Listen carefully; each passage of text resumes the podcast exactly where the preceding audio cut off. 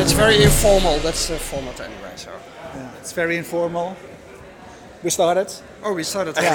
okay, uh, welcome at Mediapark uh, Ja Congress. Uh, uh, welcome, uh, Eric Anderson. Um, you will be speaking uh, here uh, later on today. Yes. Um, first, can you uh, tell us who you are and what you do? Uh, my name is Eric Anderson. I'm the CEO and founder of Premiere Digital Services, which is one of the largest uh, digital distribution servicing companies in the world.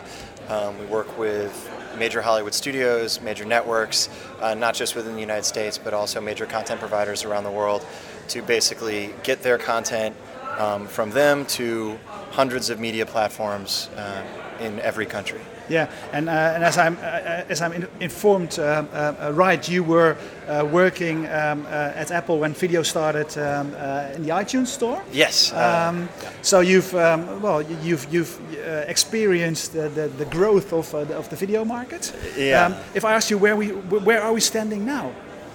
Oh boy. Um, I would say there is as much growth about to, well, more growth about to come than what has come before already. Um, it's going to make the last, you know, five to eight years look uh, insignificant in comparison because everyone is now focusing all of their attention on the rest of the world.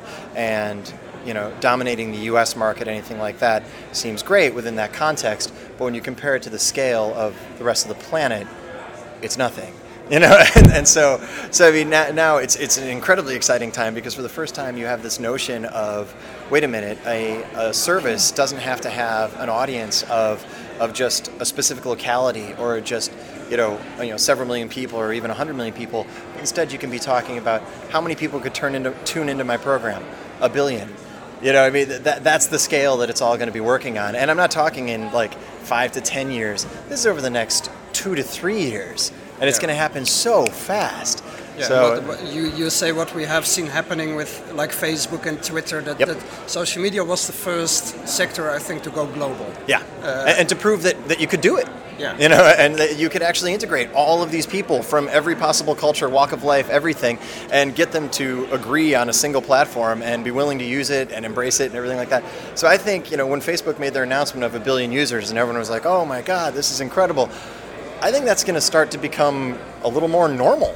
and that's, that's a, a sobering thought. So you, so so what uh, do you see in the future? Do you see like uh, video platforms that are uh, as big as that? Oh yeah, I, I mean, if you look, take just iTunes as an example, um, now that they've expanded their video platform to pretty much every international storefront that they have, there's a potential user base just of what they've already got of over 250 million users. Yeah, because that's the, the amount of user accounts Apple has at the moment. Yeah, So of active credit cards. active, active credit cards. So basically, the Apple Video Store has that potential already yeah. now. Yeah. Yeah. And, and most of those users are coming from the markets that they've already matured in. I mean, that's the US, it's Europe, it's Japan, it's stuff like that. But over the next you know year, two years, these new markets are going to start to embrace the platform because a lot of them are already using it for music and have been. And once they start realizing they can get video the same way, you're going to see that 250 go and turn into 400, 500, and then it just starts taking off from there. Which, which uh, factors are still uh, obstructing the growth of the on-demand video? Like your company, you, you're in between the content uh, creator, provider, and, and the big platform. So Yeah. uh, you, you deliver content to iTunes, to Hulu, to the to the- Netflix, to to, Netflix, to the big- to, to Swiss big TV, to you Yeah. know all, all of these companies, Uh, um, so big and small. That, meaning that they all have different technical specifications, different metadata uh, specifications. Yeah. Is that is that a problem in, in, in Well, for your it's no, for I, you- I was gonna say for me for it's a business. It's you know, um, and and you know I would say it's it's really not that much of a problem because it's e- even if they did agree on you know even if there was a singular specification everything like that the transformation of data from one format to another that's been you know commoditized. That's been made relatively simple. Um, what's incredibly difficult at this point is there is almost more. Well, there is more da- more new information being produced every day than is being ingested by these platforms. So the backlog is only growing. It's not diminishing. So the, the demand that is being put on service companies like Premiere, like the big houses that probably people, people have heard of. Um, the supply can't even come close to matching it.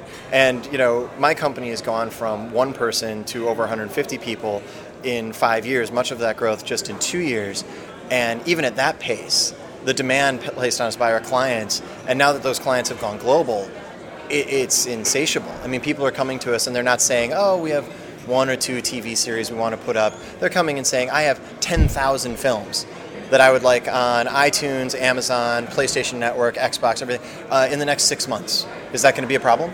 You know, and, and, you're just going, okay, wait a minute. It took you 50 years to accumulate this library, and you're asking me to convert it to an entirely new platform that hasn't even existed for a decade tomorrow.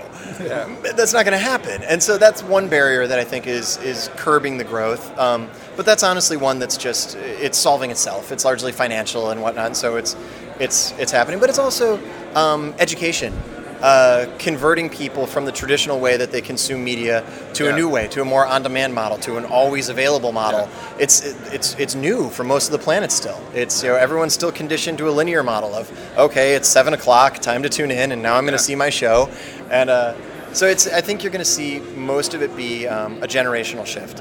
So when who, the group of people who are now between the ages of 10 years old and 20 years old over the next five to 10 years, as they become the adults that are really driving the world, this is all they know. And so that's all their kids are going to know. And that's when it's, the switch is really going to flip. Yeah, Eric, from your perspective, the Netherlands is probably totally insignificant if you're coming from LA. But uh, the talk of the town here is that Netflix is finally uh, moving into the Netherlands. Mm-hmm. Uh, you're probably not completely aware with which uh, VOD platforms there are, but what would you say if you try to think of the impact of, of a, a, company like, like, Netflix moving into the Netherlands? If you look at what happened in the US, um, what would you say? If you use the US as a template, uh, the impact will be staggering. I, I, mean, over the course of about five years, Netflix streaming platform went from pretty much non existent to uh, you guys are getting me to give away my talk. I'm giving you all the oh, points you're going now. to talk about yeah, it. I'm going to talk about no it. Problem with the people. No, no, no, ah, excellent. Okay, cool. because I, I, was going to say uh, the statistic that I'm pointing out in my talk that I think is just mind blowing is uh, over the course of five years, Netflix's streaming platform went from pretty much non-existent to now it consumes 30% of all bandwidth used in the United States. Yep. So, um, without talking about number of people, anything, just looking at it as a national infrastructure, you know, you know, play. A third of all internet use is somebody watching a movie or a TV show from Netflix from yep. one company, and that company didn't exist, you know, a decade ago, not in any meaningful way. And so that that tells you what's the kind of impact that it could have on the Netherlands, that it could have on the rest of Europe, that it could have on the rest of the world. Um, they've got a great brand name. They've got a great product. They're really good at marketing. They're incredibly smart engineers. Um, so while I, th- I, think Europe actually has a little bit of a head start over where Netflix was in the U.S. when it first started, but I think that it, that head start is still largely pep- um, perpetrated by established media companies, more traditional media companies, and and Netflix. Not to use an, an Apple phrase, Netflix definitely thinks different, and and they aren't looking at you know when they move into the Netherlands they aren't looking at the Netherlands as the end all be all of what they want to do. They're looking at how the Netherlands fits into a scheme to yeah. grab the entire planet. Yeah. And, so they'll focus on it individually, but also as part of a much larger play. Yeah. What it, what what is Netflix doing so well that they they took this big uh, you know jump forward in the United States? Um, is it the quality, the user interface, the the, the marketing, well, the, the, the, probably three things. Um, one is, uh, this got them started, and it was you know talked about in the media for a long time, and now nobody really talks about it anymore. But it, they still are head and shoulders above almost anyone else, um, both from an actual mathematical standpoint and also just a user experience. Uh, their recommendation engine. So it, it, was something that they really trumpeted as distinguishing themselves from everyone else, and yeah. and uh, and it really is quite good. And that was that was even in the period when they still put uh, DVDs in. It, Exactly. Uh, yeah, I would say you might like this, and yeah. and it worked really well, and people liked it, and so that developed this loyalty to the brand. Loyalty to the brand developed. You know, people then they hit that sweet spot that every company searches for, but is so hard to figure out how to do. Of people liked Netflix. They actually developed a relationship with it. You felt cool if you were one of the people who was using it. And so you'd tell your friends, and if they didn't hear about it, you suddenly thought, like, oh, I'm gonna, I'm gonna educate you about this. And then, then they were like, wow, you know so much. And then they tried it out, and then they told somebody, and they told somebody. And then, you know, all of the, that subscriber base turned into revenue, which turned into licensing dollars that they could use to add more substantial, more popular content to their streaming platform, which then all of a sudden, you know, people were starting to go, man, I feel like I've kind of watched everything wait a minute, now there are major Hollywood movies on here. Now there's stuff I actually want to see. Oh, holy cow! Reinvigorated again, and then Yeah. and then it just exploded. And uh, and I think that's just going to keep happening. And now Netflix even moved into producing TV series themselves. Is Yeah. that a trend you believe is, that's going to be more widespread over the years? or I, I think it's a necessary transition for them. Um, they they have an interesting business model, uh, and in that, you know, I mean, they don't they don't. Well, until recently, they don't create any of the product that they sell, and they can't control the price of the product that they sell, and so there's no protection for their business model. I mean, they can predict their revenue because they look at what their user base is, and so it's it's an easy number to predict. And the only way they can increase that revenue is by expanding that user base, Yeah. which is not easy to do. I mean, they've made it look easy, but it's not easy. It takes a lot of marketing dollars, everything like that. And, uh, and so they have a cost that's impossible for them to control, or very difficult for them to control. They have a revenue stream that is very difficult for them to control. And so those two are going to be at odds at some point. So the only way out of it, and I think they were incredibly smart by doing this, was to say, well, we need to be in charge of our own product. And so by creating their own content, you know, now they actually can control the cost of bringing content into their ecosystem, which they can then use to market and increase user base, stand themselves out from more, you know, services that are previously established that are trying to compare themselves to Netflix. Now, there's a great quote uh, that, that Netflix actually gave where they said, "We need to become HBO before HBO becomes us." You know, and, that was, and, and it's true. It's true because HBO with the HBO Go platform, what is that? That's essentially Netflix, but with a much smaller catalog, but all incredibly high quality because it's all what you would get on HBO. And so Netflix is saying, well, we can play that game.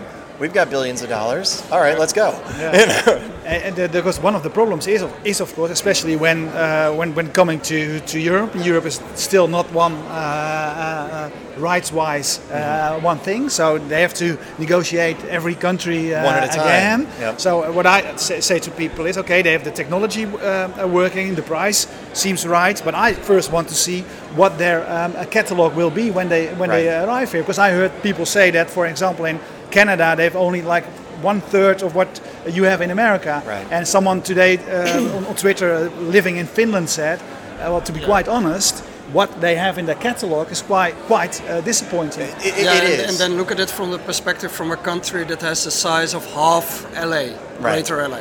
Right. Yeah. Well, and that, that which gets into what I think is, um, you know, you asked what Netflix's advantages were, and I think one of their other key advantages is price. They are right at that sweet spot of pricing where, you know, for for most you know, middle families and above, it, it's an afterthought. You know, you, you're not worried about it, and you sign up, you subscribe, and it comes off your credit card, and you never think about it again. And the fact that they come in now through, and I don't know enough about the uh, European market to know exactly how it's framed, but I know what happened in the U.S., and I can see that happening here. Whereas, I mean, I use Netflix all the time, but what I've got is I have, you know, um, an Apple TV, and so I have iTunes, and I have Netflix, and I have Hulu. And so if I want to watch, if I missed a show last night and I don't want to buy it, I can watch it on Hulu. If um, I'm just bored and I'm looking for something to watch and I don't have a particular agenda, I'll watch Netflix. If I know exactly what I want and it's new, I'll buy it from iTunes. And so it's not as much. Um, so Netflix's catalog, their, their price point makes the you know the barrier of entry for consumer Uh, really insignificant. It's very easy to adopt them, and they offer the first month or two months for free. Yeah. So you know, come in, try it out, see what you think. Then it automatically convert to charge, and before you know it, it's just kind of integrated its way into your viewing habits, where you're like, yeah, the the, the catalog is limited, but it's not nothing. And a lot of times, you just want to sit down, you just want to watch something, you don't want to be too concerned about what it is, Yeah. and you'll queue something up, and they'll build viewers that way, and before you know it, they'll have all the same, the, the mirror the catalog they have in the U.S., and, uh, and there you go. Uh, you worked at uh, Apple 10 years ago, something like that? Uh, it was about five years ago. Five years ago, the, the, the, the team building iTunes video. Yep. I don't know if you're aware of that, but in, in Holland, everybody's adoring Apple and I mean, everybody who worked at Apple is already something. Wow, you're, So you're our hero. you're Oh, a hero. Did you ever meet uh, Steve Jobs or not? I, I, I, I, um, I received a couple of emails from him, and I sat next to him once at lunch, which was uh, the most intimidating lunch of my entire life. uh, once he once he sat down and I was sitting there eating, I, I think I stopped, and about 45 seconds later, I was like, "And I'm done." And I walked away. the, the conversation just stopped at the table, and that, and that was it. Um, and anytime there was an email coming from him, it was never good news. You know, it was it was always to say, "Fix it." You know, you know, it'd be three words. and That would, that would be it. Yeah, but but uh, you were part of that team building iTunes Video. Uh, I mean, the stories are always that a guy like Steve, you know, was really on every single detail involved. I mean, is that true? In, in, I would say it's true on a level uh, uh, for what was exposed to consumers. So uh, the design of the interface, um, uh, the editorial aspects of the store, featuring everything like that. When it first started, he played a very large role in um, what the product was going to be, what content types we were going to offer, when we were going to offer them, how many networks we were going to roll out, uh, when we were going to do go from quarter res to SD to HD. You know, everything like that. That was handed down not as a hey, is this possible, but as a do it. I'm going out on stage in 30 seconds and I'm going to say that we're doing this, so uh, you better figure it out. You know, but the figuring it out component, uh, you know, he did. He did. At least it was never particularly involved there. It was really a lot more on the customer side Okay. of creating an, an amazing experience. And even the one or two correspondences that, that got to me were were often motivated not by a hey, the company needs to do this, but a hey, I got emailed by a customer who is upset about an experience they had. Fix it.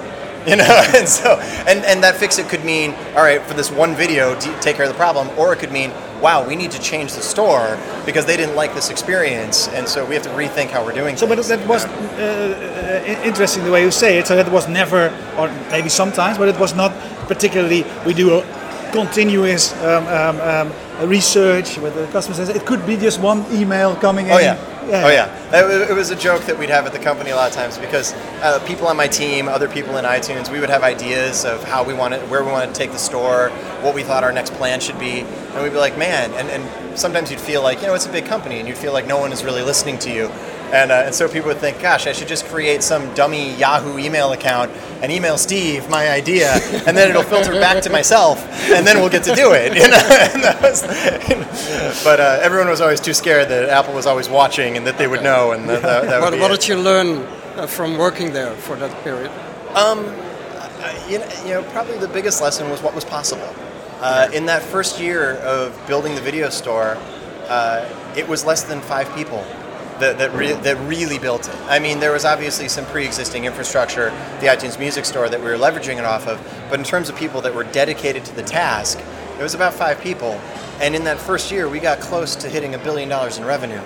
Yeah. So it, it kind of tells Yeah, you amazing. what you can do with this technology and in this space with just some really dedicated, really smart people that are willing to work their butts off.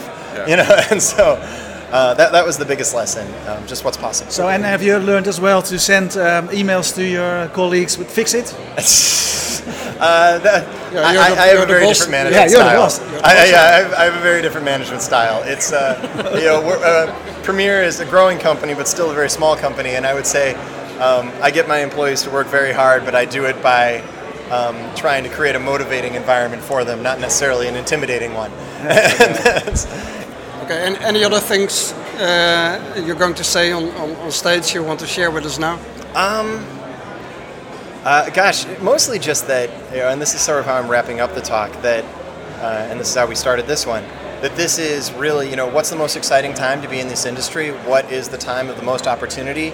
Um, right now, and tomorrow, and the day after that. You know, it's like we haven't seen the most opportunity and the most exciting time to happen. we're and just it- starting. Yeah, it's just started, and it's always, it, and, you know, for the foreseeable future, it's always going to be more than it is right at this moment.